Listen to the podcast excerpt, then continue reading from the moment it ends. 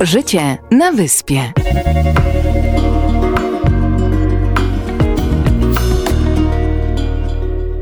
Niech będzie pochwalony Jezus Chrystus. Na wieki wieków. Amen. Witamy Państwa w ten piątkowy wieczór. Yy, mamy nadzieję, że jest fajny, miły i przyjemny i że może Państwo siedzą z jakimś kubkiem herbaty. Minęła godzina 21, a nawet 21.03, yy, więc yy, jak co piątek pojawiają się w radiu Emaus Klerycy. W standardowym składzie, czyli Piotr, Mateusz i Krzysztof. Jest dzisiaj z nami gość, ale gościa przedstawimy za chwilę. Yy, obiecywaliśmy już Państwu tego gościa jakiś czas. Yy, no, poprzedniego się nie udało, ale jest następny i będzie następny, więc, więc coś się będzie działo u nas. No taki adwent, jeśli chodzi o gości, można powiedzieć, że tak zapowiadamy i jest taki czas oczekiwania i pojawia się gość. Ja myślę, że ten apetyt, y, który mógłby zbyt szybko być zaspokojony, wyostrza się właśnie dlatego, że, że ci niektórzy goście mimo wszystko nie mogą do nas dotrzeć i potem musimy zrobić audycję bez nich, ale mam nadzieję, że też ciekawą. A dzisiaj będzie, mamy nadzieję, ciekawa, bo będzie trochę inna. Będzie o, o czymś, co przeżywaliśmy w tym tygodniu i o czymś ważnym, myślę, w kościele e, i w ogóle w świecie o takim znaku em, pewnym. I myślę, że będzie bardzo fajnie. Ale to, to za chwilę, a na ten moment y, żyjemy sesją. No jak to studenci, klerycy też żyją sesją, mówiliśmy o tym ostatnio. No i trwamy w tej sesji, przygotowujemy się do y, zdawania egzaminu z traktatu o łasce i o stworzeniu, więc jest ciekawie. Musiałeś przypomnieć, nie? Trzeba się trochę zacząć Tak. pouczyć, tak dzisiaj planowałem, a jeszcze nie wyszło. No to po prostu trzeba czytać y, ze zrozumieniem. i A to właśnie, tu jest kłopot.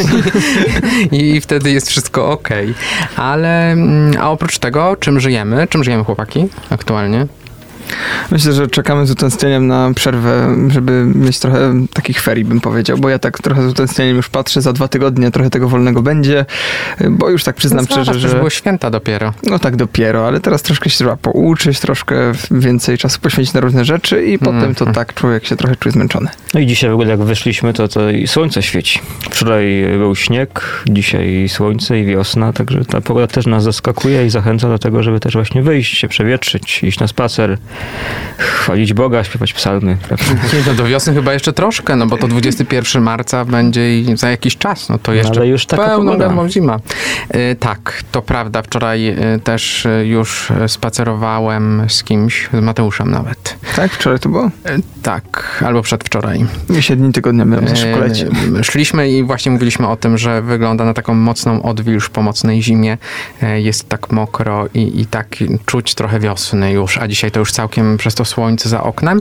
No bo jak zwykle nagrywamy dla Państwa troszeczkę wcześniej, e, więc, więc, e, Więc no dzisiaj więc właśnie. Tak ładnie. A jutro nie wiadomo jak będzie. Jutro nie wiadomo, jak będzie. Tak.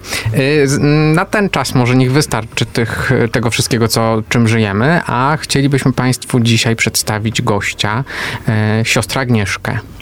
Miło mi, szczęść Boże, siostra Agnieszka, misjonarka Chrystusa Króla dla Polonii Zagranicznej. Bardzo się cieszymy, że siostra przyjęła nasze zamówienie. Znamy się z siostrą dlatego, że... Zamówienie, zaproszenie. Zaproszenie. Tak, zam- zamówienie na audycję, zaproszenie, e, niech będzie. E, Znamy się z siostrą dlatego, że w parafii w Suchym Lesie, w której siostra posługuje, byłem e, na praktykach akolitackich E, i tam się poznaliśmy. Tam siostra e, jest organistką. Tak, to prawda. Pracuję tam e, od tego roku, od września 2021 roku. Wcześniej byłam troszkę za granicą. Do tego wrócimy. Spokojnie. Wszystko tutaj będzie prześwietlone, jasne, wszystko tajne, jawnym będzie. Ale nie bez powodu dzisiaj zaprosiliśmy siostrę, no bo tak naprawdę w tym tygodniu, można powiedzieć z aktualności, przeżywaliśmy no, ważne święto w sumie dla wszystkich osób życia konsekrowanego, y, bo jak dobrze się nie mylę, Krzysztof 16, taki bardziej uroczysty dzień osób życia konsekrowanego. 26. 26, ale 16 bardziej tak obchodzony, można powiedzieć, w taki sposób, no bardziej uroczysty chyba. Y, I to jest, myślę, dzień, no, szczególnie istotny dla wszystkich y, y, osób życia konsekrowanego, zakonników, zakonnic, y, sióstr, y, no bo y, no, chyba taki jedyny dzień w roku, gdzie można, gdzie tak w sumie cały Kościół świętuje i cieszy się z tego stylu życia, który, y, no, który też siostra podjęła. Tak, faktycznie można było ten świąteczny nastrój em, em, odczuć bardzo wyraźnie, ponieważ wielu ludzi składa nam życzenia, czy to SMS-owe, czy y, przy takich drobnych y, spotkaniach. Faktycznie y, pierwszy raz od dawna, wczoraj poczułam, że ten dzień jest szczególny. Przede wszystkim przez to, co Słowo Boże tego dnia nam mówi, bo postać Symeona, Anny i tak dalej, to są postaci takie, które jasno i wyraźnie wskazują nam na ten styl życia, który jest kierowany przez Ducha Świętego, a tak właśnie rozumiem życie zakonne. Więc w ten sposób. Siostry zakonne zawsze są znakiem, bracia zakonni, dlatego że księża częściej chodzą bez sutan. Chociaż bracia y, i, y, i księża zakonnicy, ojcowie też często chodzą, ale siostry mimo wszystko w większości wypadków jednak zawsze mają habit. Są zgromadzenia bezhabitowe też, ale to jest jednak taki, y, to co już powiedziałem wcześniej, znak dla innych, że jednak siostra jest osobą poświęconą Panu Bogu.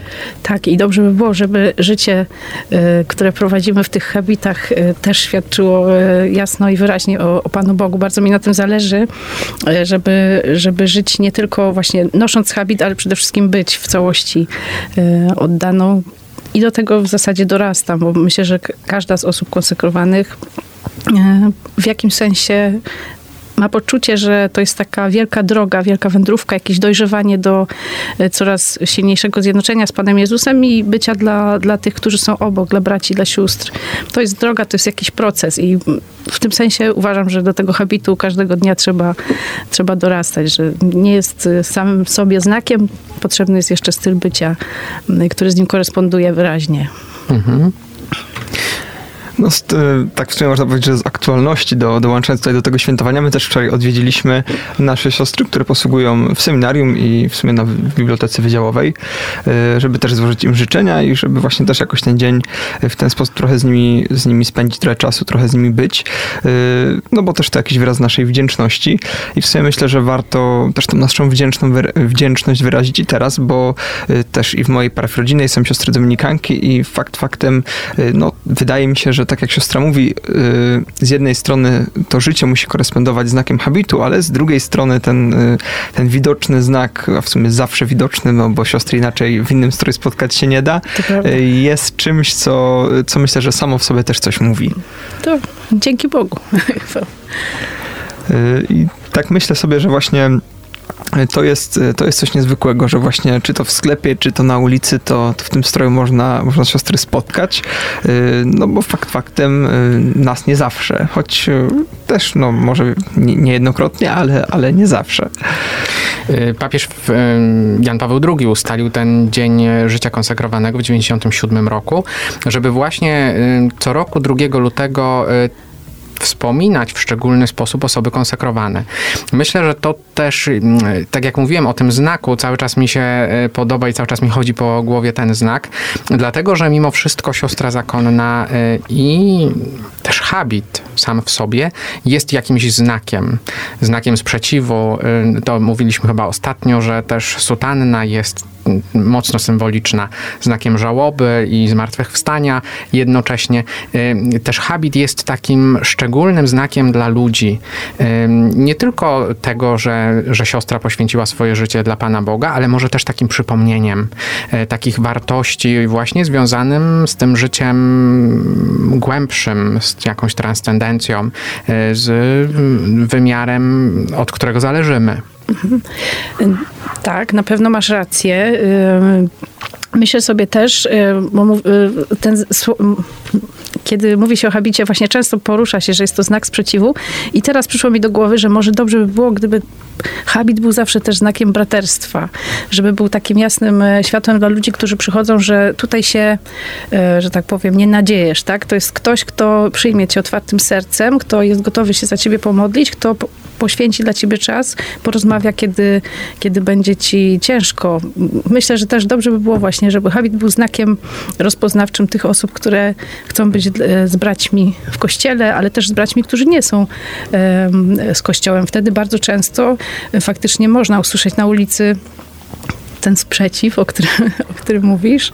Y, Zdarza się, że, że słyszymy jakieś słowa, powiedzmy, nie tyle niemiłe, co takie ośmieszające, ale bardzo często tak między sobą mówimy, że to najczęściej ta osoba pokazuje, jak bardzo y, potrzebowałaby modlitwy, czy potrzebowałaby właśnie rozmowy. Albo jakiegoś wsparcia. Tak, i niejednokrotnie się zdarzyło, że ym, y, postarałam się taką rozmowę przedłużyć, tak? Jakby nie, nie urywać tylko na tym takim incydencie, powiedzmy, tego przykrego komentarza. I zdarzyło się parokrotnie, że, że to były naprawdę głębokie i dobre rozmowy, które sama w sercu noszę jako takie, takie własne głębokie przeżycie wiary też i działania Bożego. Tak, to jest piękne. To już jest kolejny rok, kiedy też w Watykanie świętuje się ten dzień. Wczoraj można było, zresztą 2 lutego zawsze można zobaczyć zdjęcia. Papież Franciszek e, w Bazylice Świętego Piotra z osobami konsekrowanymi, z księżmi, biskupami sprawował mszę świętą. Tak pięknie to wygląda w takiej ciemnej bazylice. E, te osoby wszystkie ze świecami. E, warto obejrzeć zdjęcia na jakimś fanpage'u watykańskim albo no, na jakimś innym, gdzie były. Więc, więc też warto zawsze za, zalajkować nasze zdjęcia na fanpage'u Radia Emaus. Na pewno się dzisiaj pojawi, dlatego że jest gość. No to będziemy chcieli to wykorzystać i zrobić zdjęcie i, i po prostu będzie można polajkować i, i, i, napisać coś tam miłego, szczególnie dla siostry. Więc... Przede wszystkim dla siostry. Tak. Więc, więc, więc teraz myślę, że Piotr powinien się wypowiedzieć, coś nam zaproponować. Ja myślę, że tak rozmawiamy o tym, jakie życie jest piękne, jak za oknem jest pięknie i żeby też w tym klimacie pójść z piosenką, czyli Golia z Orkiestra i życie jest piękne, a my wracamy już za chwilę. No niech tak będzie.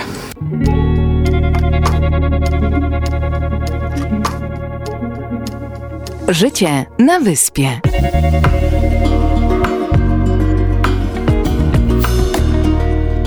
Zgromadzenie, w którym siostra jest, jest misyjne. Tak, to prawda. Zajmujemy się misją wśród polskich migrantów na całym świecie tam, gdzie tylko możemy dotrzeć. No to gdzie siostry są na przykład? Na północy najdalej to pewnie będzie Islandia. Idąc niżej w dół Europy, Wielka Brytania, Belgia, Niemcy, Białoruś, Węgry, Włochy i Grecja. No, jest wiele krajów, które słyszeli. Mhm. Jeszcze Stany Zjednoczone i Australia. Dobra, więc tak fajnie się słyszy misjonarki, no to kojarzyłoby się od razu z misjami, czyli takim, od razu by się kojarzyło z takim wstępnym, pierwszym głoszeniem Chrystusa. Ale to nie zawsze do końca tak jest. Powiem tak. Kościół cały jest misyjny przecież. Tak, po pierwsze, my ochrzczeni stale potrzebujemy się nawracać. To jest chyba taka oczywista oczywistość. To jest, to jest pierwsza przesłanka. Ale trzeba sobie uświadomić, że bardzo często te społeczeństwa już europejskie i w ogóle współczesne też potrzebują pierwszego głoszenia. Tak? Bo są, ludzie bardzo często są zanurzeni w kulturze, która jest powiedzmy no, chrześcijańska, wygląda na chrześcijańską, ale de facto e, w swoim e, sednie chrześcijańska już troszkę nie jest. I w tym sensie bronię, bronię tego, że misje także w Europie e, są jak najbardziej, wyczerpują definicję pierwszego głoszenia. Nasza misja jest o tyle specyficzna, że jest misją przeznaczoną dla Polaków, którzy są Rosjani na całym świecie i staramy się zapewnić im opiekę duszpasterską, współpracować z, duszpa, z duszpasterzami w różnych miejscach, w parafiach, do których jesteśmy zapraszane. Mhm. Siostro, no, jedną z takich parafii była parafia Brukseli, w sercu Europy. Tak, w sercu Europy. E, tak, pracowałam przez minione 7 lat w Brukseli, w polonijnej parafii, którą e, prowadzą ojcowie oblaci którzy kilka lat temu zaprosili nas właśnie tam do współpracy i na co dzień e, cztery siostry tam posługują. No dobrze, no to w takim razie co siostry tam robią? Wszystko. Robimy tam e, bardzo wiele. Można powiedzieć, że wachlarz e, tego naszego zaangażowania jest bardzo szeroko rozpięty. Począwszy od tej dziedziny edukacji, pracujemy w dwóch szkołach polonijnych dla dzieci, które na co dzień uczą się w szkołach belgijskich, czy to francuskojęzycznych, czy to niderlandzkojęzycznych, ale przychodzą raz w tygodniu e, do szkoły polskiej, w której uczą się historii polskiego i także religii, jeśli chcą. Mhm. E, bo jest to taka opcja do, do wyboru w jednej z tych szkół. E, w jednej z tych szkół siostra nasza jest też kierowniczką, czyli jest jakby odpowiedzialna za kształt tego nauczania. Ponadto animujemy życie liturgiczne, można powiedzieć. To jest też takie bardzo ważne nasze zaangażowanie. Siostry są za, zakrystiankami, jedna z sióstr jest organistką. E, prowadzimy schole dziecięce, zajęcia e, około liturgiczne dla dorosłych. E, organizujemy całe zaplecze przygotowania do sakramentów, także od tej strony nie tylko duszpasterskiej, ale też czy katechetycznej, ale też wizualnej. Dekorujemy kościół i tak dalej, i tak dalej. Czyli słuchając siostry i tego, co siostra mówi, okazuje się, że jednak tam są ludzie, którzy są zaangażowani. To prawda I jak ma siostra porównanie takie, to znaczy ja wiem, że tutaj parafia w Suchym Lesie jest bardzo zaangażowana. Ja ją bardzo dobrze wspominam, tyle osób, które się przewija przez tą parafię i tyle mm, inicjatyw, które jest podejmowanych, więc to może nie być miarodajne, ale czy jest to y, bardziej zaangażowane, zaangażowanie widoczne właśnie y, tam? No, niż w Polsce? Pokuszę się o stwierdzenie, że y, parafie, y, te polonijne, bardzo często właśnie zbierają tych ludzi bardziej zaangażowanych z tego względu, że ci ludzie sami poszukują tego miejsca, w którym mogliby po pierwsze się pomodlić, a po drugie włożyć kawałek serca y, w to przeżycie religijne. I mm, nie są to parafie terytorialne, tak jak w Polsce, prawda? Czyli są to parafie, do których ludzie dojeżdżają często z bardzo dużych odległości, bo chcą prawda? I to się potem przekłada na, na jakość tego życia wspólnotowego i jest to odczuwalne wyraźnie. I w parafii w Brukseli, w której pracowałam i wcześniej też miałam okazję w Atenach być, to bardzo podobnie wyglądało, choć specyfika tej pracy była troszkę inna duszpasterskiej, ale, ale to zaangażowanie było na podobnym poziomie. A duże są te parafie? Jeśli chodzi o liczby, to zawsze mam kłopot. Natomiast myślę, że to y, Bruksela to jest taka solidnej wielkości polska parafia, tak bym powiedziała. No, tak, takie przynajmniej jest moje odczucie. Wiadomo, że pandemia troszkę, e, troszkę miała wpływ na, na liczebność ludzi w kościele, ale jeśli patrzeć na, mm, na liczbę ludzi, którzy szukają nas czy w internecie, czy przez taki kontakt bezpośredni, to jest naprawdę spora liczba osób, porównywalna do, do tej, jaką znamy w Polsce. Mhm. Y, Siostro, czy tam przychodzą tylko Polacy? Ym, I tutaj jest ciekawa sytuacja, bo tak na- na, początek nawet mogę powiedzieć, że zdarzyło mi się poznać e, na ulicach Brukseli e, takiego pana, który jest derwiszem, czyli Turkiem z pochodzenia e, Arabem. E, Rozmowa wywiązała się na tle muzycznym, bo pan był flecistą, grał na takich e, e, ludowych fletach tureckich i zaczęliśmy rozmawiać. I on co jakiś czas lubił przychodzić do naszego kościoła, siadał sobie z tyłu, no być może po to, żeby, żeby też posłuchać muzyki, czy ten kościół, który tam mamy w Brukseli jest gotycki, więc bardzo piękny, daje takie duże, dobre wrażenie artystyczne, więc być może przychodził z tego powodu. E, Ale przede wszystkim do, tutaj odpowiedź na twoje pytanie, taka pierwsza, która mi się nasuwa, ten kościół też przy, przyciągał innych. Przyciągał i budził niejednokrotnie zdumienie kiedy po niedzielnej Eucharystii e, rodziny z dziećmi wychodziły z kościoła, bardzo często przychodnie pytali, jaki koncert tu się odbywał, że miał taką frekwencję, prawda? A to była msza nasza polska. No i to jest piękne. A siostro, no, to mamy doświadczenie polskiej parafii, a czy tam rodzime parafie też funkcjonują? Ma siostra na ten temat jakąś wiedzę? Powiem tak, pr- przyjęło się mówić, że na zachodzie jest kiepsko i tak dalej. Mhm. No właśnie, dlatego pytam. Nat- natomiast ja bardzo nie lubię tak powtarzać, e, ponieważ doświadczyłam takiego kościoła cichego, e, gdzieś przy ulicy, w środku tygodnia, w samo południe wystawienie i trzy starsze osoby, jakiś mężczyzna modlący się w średnim wieku. To są małe wspólnoty, zgodzę się, ze starszym kapłanem, ale to jak oni e, potrafią się pokornie modlić, tak jak, tak jak mogą na dzień dzisiejszy, to naprawdę jest bardzo budujący przykład. Mimo wszystko, prawda? Jest też, tak jak my jako Polacy jesteśmy obecni, prawda, dużą grupą, tak są też inne grupy etniczne. E, I w Kościół, z tego co wiem, belgijski bardzo episkopat bardzo tam nalega, żeby to były właśnie wspólnoty, czy to e, powiedzmy hiszpańskojęzyczne, czy to polskojęzyczne i tak dalej, więc dba o to, żeby one były bardzo mocno w łonie diecezji, ale żeby zachowały ten koloryt językowy e, i kulturalny, co za tym idzie, nie? Więc, więc jest tych wspólnot migra- migranckich więcej i pewnie one ten kościół trochę ożywiają. Natomiast no, ten belgijski kościół jest, e, powiedzmy, można powiedzieć, nie jest tak e, eksponowany. Nie, nie ma takiego, że tak powiem, em, prze, przełożenia na liczbę, ale myślę, że na ducha być może ma. No to jest y, bardzo ciekawe, dlatego że też niejednokrotnie mówi się, że no, we Francji już nie ma chrześcijan, katolików, nie, nie chodzą do kościoła.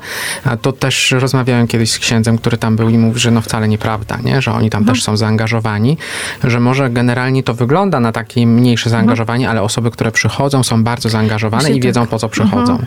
Y, Więc no, myślę, że u nas też trochę pandemia weryfikuje tą naszą wiarę e, i to nasze przywiązanie i zaangażowanie i to wszystko, zresztą widzimy jak to jest e, i że jest całkiem Mhm. dobrze.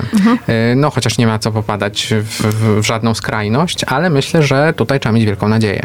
No chciałoby się chyba powiedzieć, że właśnie troszkę się to zmienia, ta może statystycznie mniejsza ilość, ale chciałoby się powiedzieć większa jakość. Większa jakość. Albo też przede wszystkim świadomość tego, po co do kościoła się idzie, bo, bo też myślę, patrząc i właśnie na ten czas pandemii, na nasze parafie, e, ale też właśnie patrząc na zachód, gdzie to już w sumie się dokonało wcześniej, gdzie ci ludzie, którzy chyba chodzili, bo chodzili, przestali, a ci, którzy zostali, to tak jak siostra mówiła, tego ducha idzie, idzie odczuć, więc to myślę jest taka troszkę transformacja w stronę chyba e, pewnego pogłębienia i no właśnie ku większej e, wierze, choć mniejszej ilości ludzi.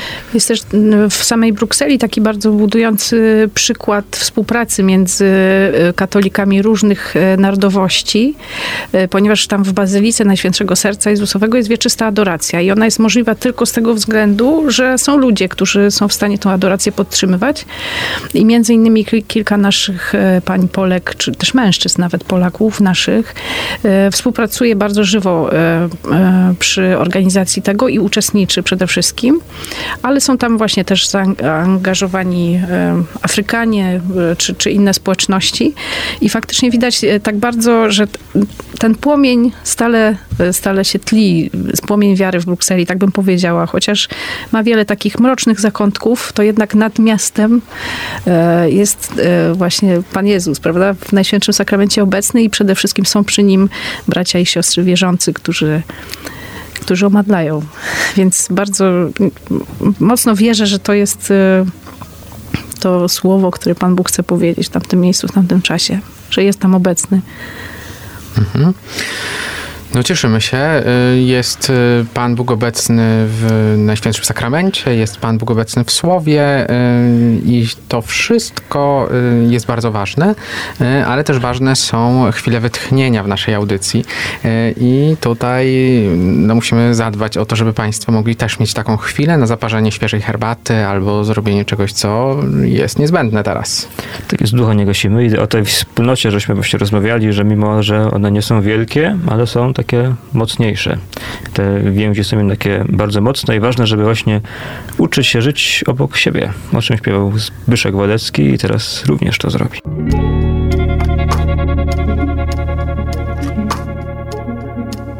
Życie na wyspie.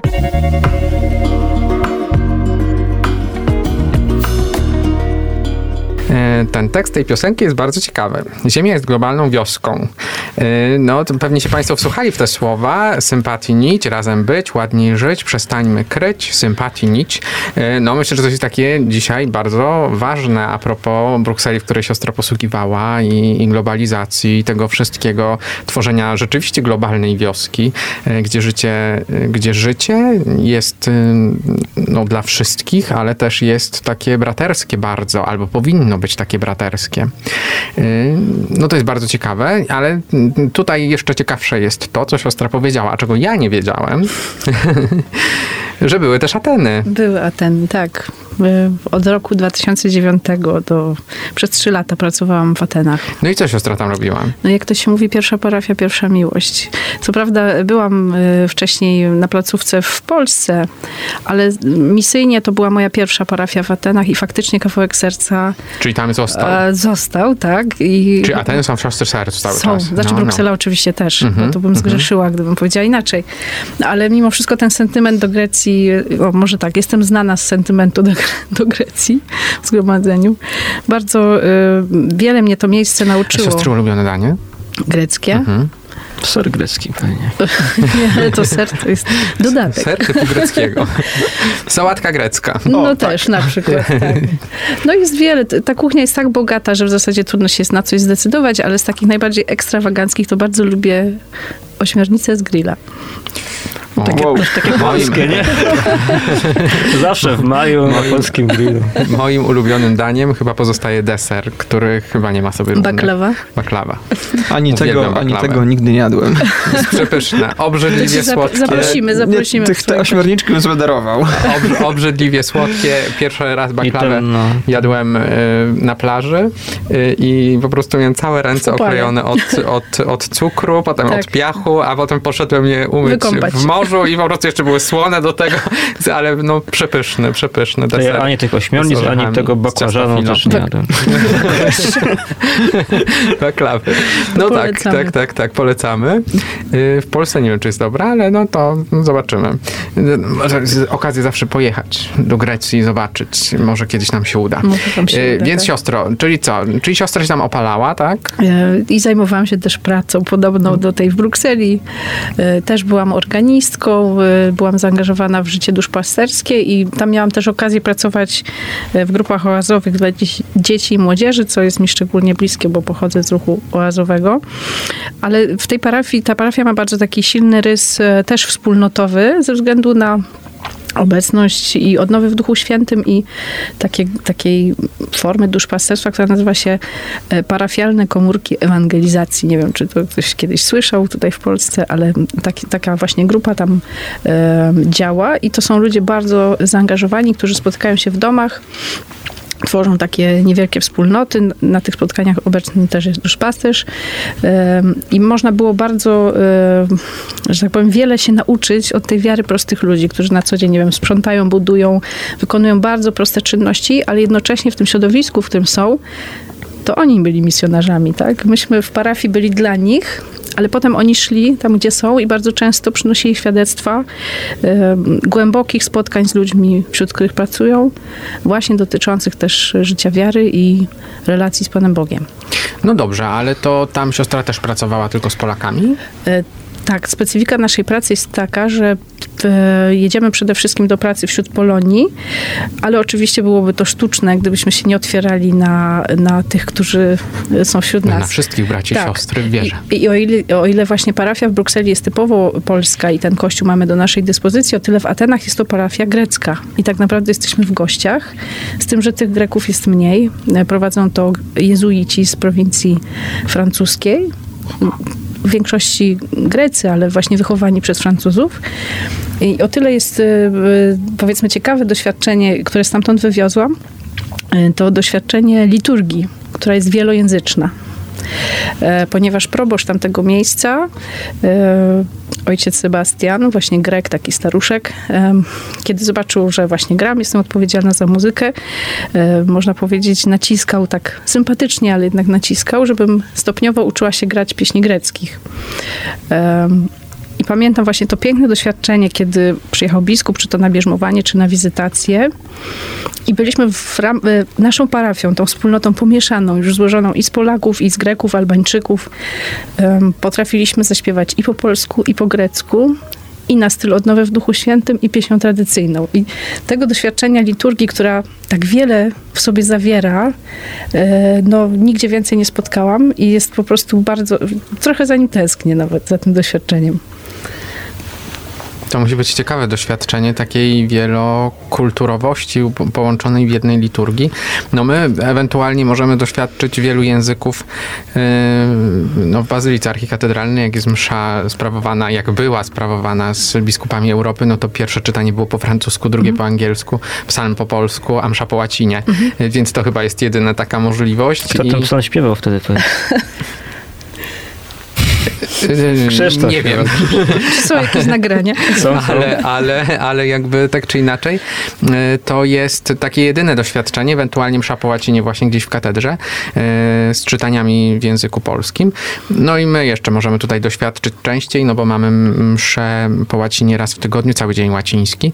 No ale myślę, że tak to jest trudno doświadczyć czegoś właśnie takiego, chyba że ktoś wyjeżdża za granicę i pójdzie do kościoła y, tam, gdzie jest i zobaczy, że rzeczywiście y, no, modlitwy są podobne, chociaż w innych językach i można odnaleźć gdzieś chociaż taki chyba melodyczny. No, niby wiadomo, co się dzieje, ale nie do końca. ale nie wiadomo, nie? Ale sam ryt y, w języku greckim, nasz katolicki, jest tak piękny, że otwiera y, nowe rozumienie niektórych modlitw w ramach Eucharystii. Przynajmniej dla mnie osobiście, no, może nie będę wnikać w szczegół, bo to jednak jest bardzo osobiste, ale w tym języku greckim, który jest podobny do tego starożytnego, a w którym są spisane Ewangelie, potem na liturgii naprawdę brzmi w sposób taki jeszcze głębszy niż... e, Taki właściwie tak. przenoszący w Mhm. czasie. Tak, tak. To też jest częste doświadczenie Lekcjo Divina i ojca, ojciec Krzysztof, zresztą nasi ojcowie często przełożeni też wracają do tego greckiego źródłosłowu Pisma Świętego.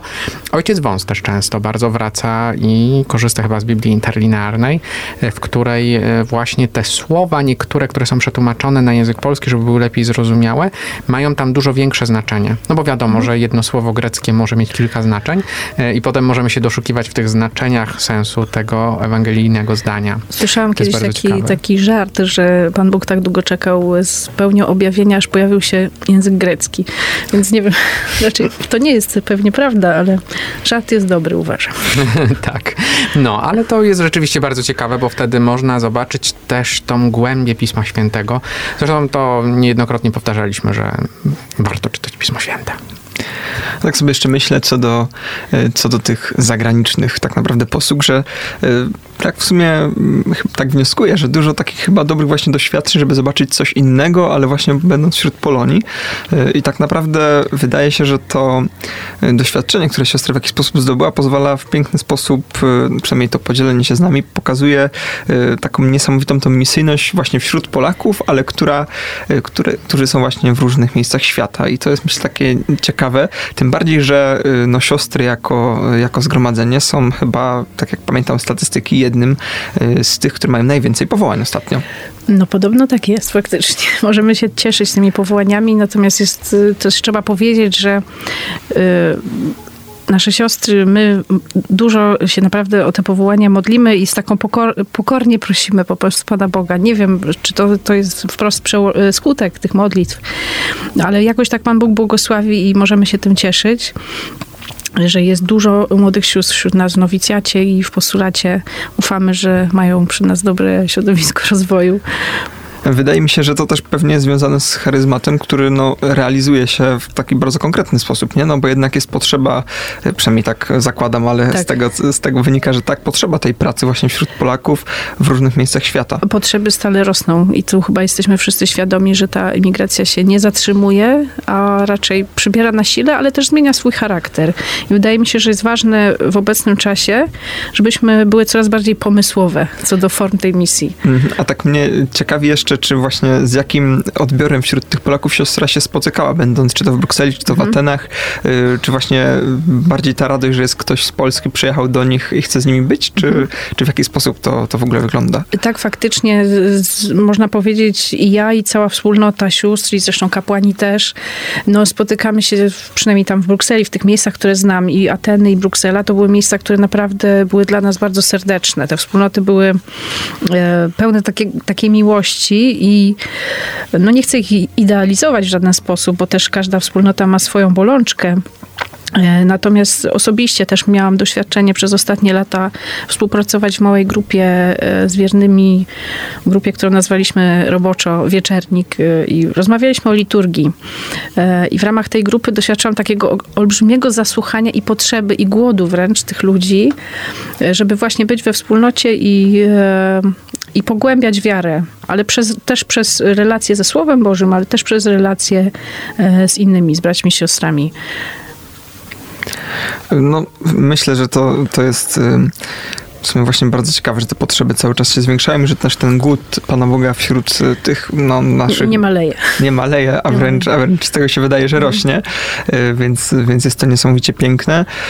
Y, Musimy być też uczciwi i powiedzieć, że jest um, cała rzesza ludzi, którzy nie przychodzą, prawda? No tak. I tutaj też mam na sercu taki model, że pracujemy w ramach parafii z, y, z tymi najbardziej zaangażowanymi, karmimy ich i potem, tak jak w przypadku Aten, oni idą środowisko i tam są, są tymi e, misjonarzami, to by chyba było e, no, najwłaściwsze w, w sytuacji, kiedy wiemy, że jest duża grupa ludzi, którzy sami z siebie do kościoła nie przyjdą. Potrzeba misyjnego kościoła. Ale w sumie dobrze, że to też tu padło właśnie, że jest ta duża grupa, która nie przychodzi, y, mimo tej radości z tych, którzy są Tak. i którzy niosą, niosą i w sumie ewangelizują dalej i Mhm. którzy roznoszą tą dobrą nowinę, co jest w sumie no właśnie tym zadaniem każdego z nas i Tak. szczególnie w tych miejscach, gdzie y, no chociażby y, księża czy siostry zakonne nie mogą dotrzeć, y, a ci ludzie w swoich miejscach pracy, w swoim domu i środowisku mogą, mogą dalej Jezusa nieść, więc to,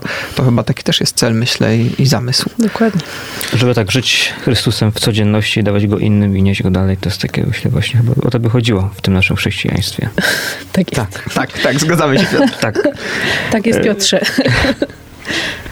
E, tak o tych różnych mm, państwach rozmawiamy, gdzie te wszystkie są tutaj, e, ten zakon funkcjonuje i darzycie też miłością innych. E, Na Ukrainie jeszcze nie ma. Była placówka na Ukrainie. Nie znam dokładnie jej historii, ponieważ to było jeszcze przed moim wstąpieniem. Natomiast mieliśmy siostrę jedną z Ukrainy, ona już zmarła.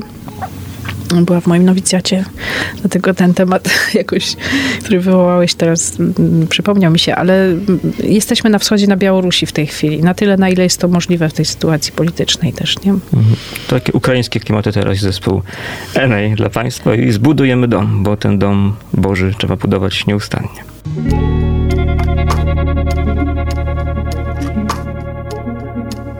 Życie na wyspie.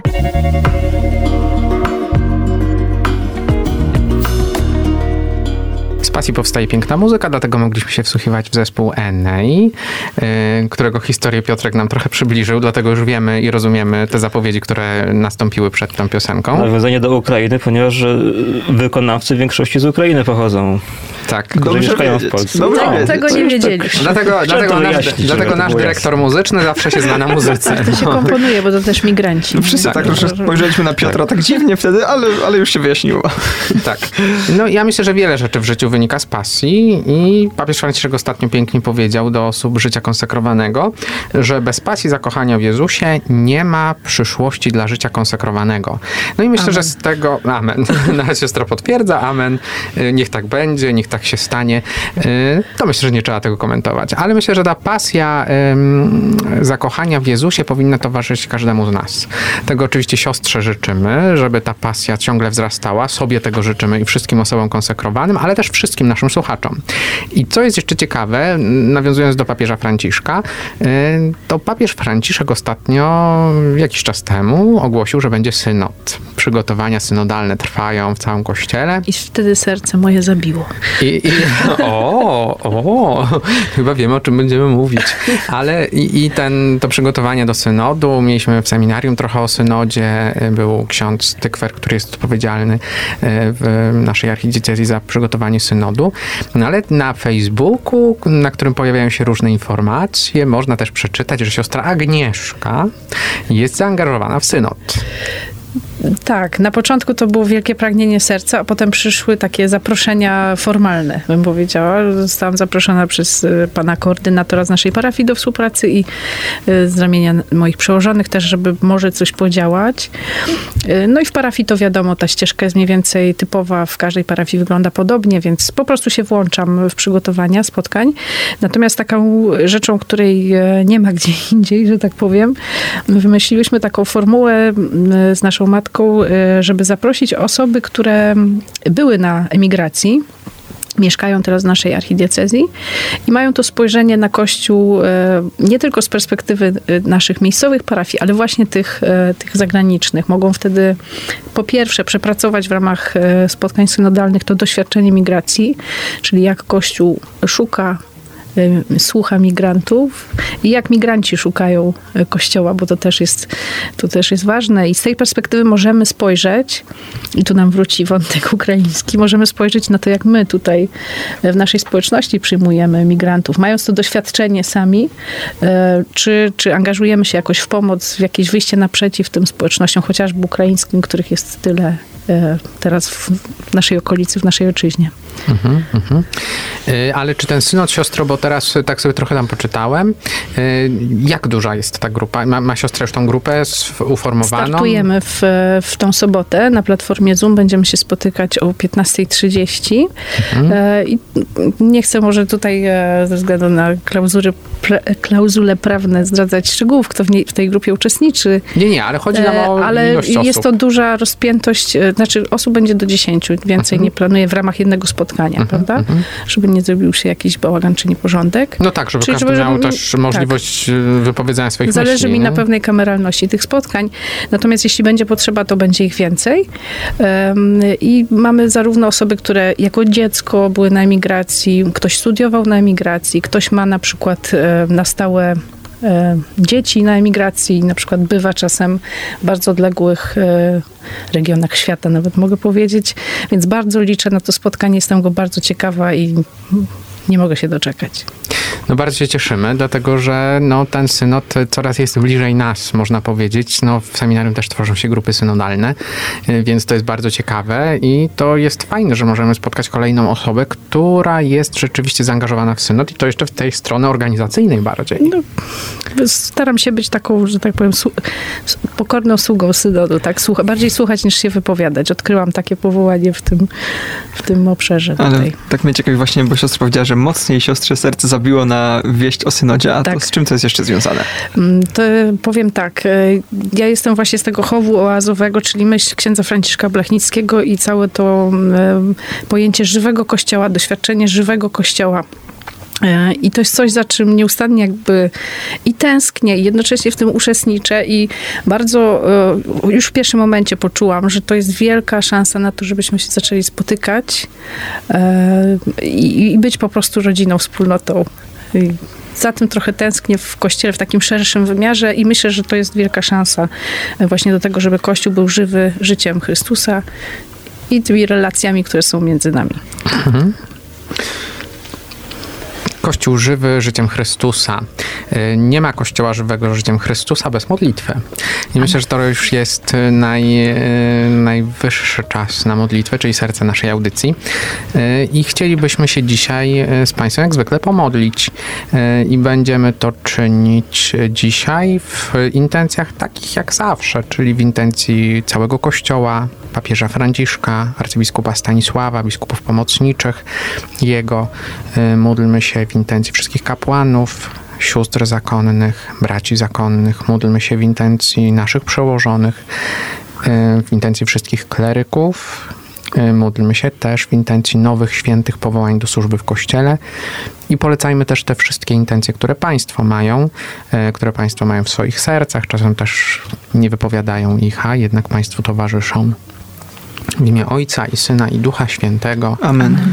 pod Twoją obronę. Uciekamy się, święta Boża Rodzicielko, naszymi prośbami racz nie gardzić w potrzebach naszych, ale od wszelakich złych przygód racz nas zawsze wybawiać. Panno chwalebna i błogosławiona, o Pani nasza, orędowniczko nasza, pośredniczko nasza, pocieszycielko nasza, z Synem swoim nas pojednaj, Synowi swojemu nas polecaj, swojemu Synowi nas oddawaj. Królowo pokoju, Módl się za nami, wychowawczyni powołań kapłańskich, módl się za nami, królowo rodzin, módl się za nami. w imię Ojca i Syna i Ducha Świętego. Amen. No i nadchodzi ten czas, kiedy pora się pożegnać. Kiedy nadchodzi godzina 22, a klerycka audycja dobiega końca. Wracacie na wyspę. Wracamy na wyspę. Idziemy spać. Cisza nocna i te sprawy. Cisza nocna i te sprawy, tak. Masz Piotr rację. Yy, No i tym samym chcielibyśmy siostrze bardzo podziękować za przyjęcie zaproszenia. Było mi bardzo miło, dziękuję. Nam też. że, że siostra zgodziła się podzielić e, historią trochę e, tego, jak siostra żyje, jak siostra dotychczas, gdzie siostra była, jak siostra żyje dzisiaj troszkę.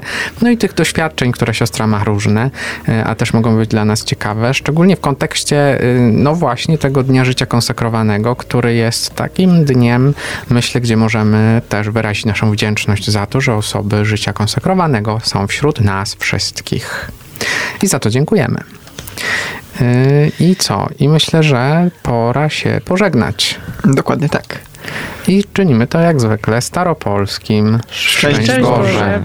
Dobrej nocy.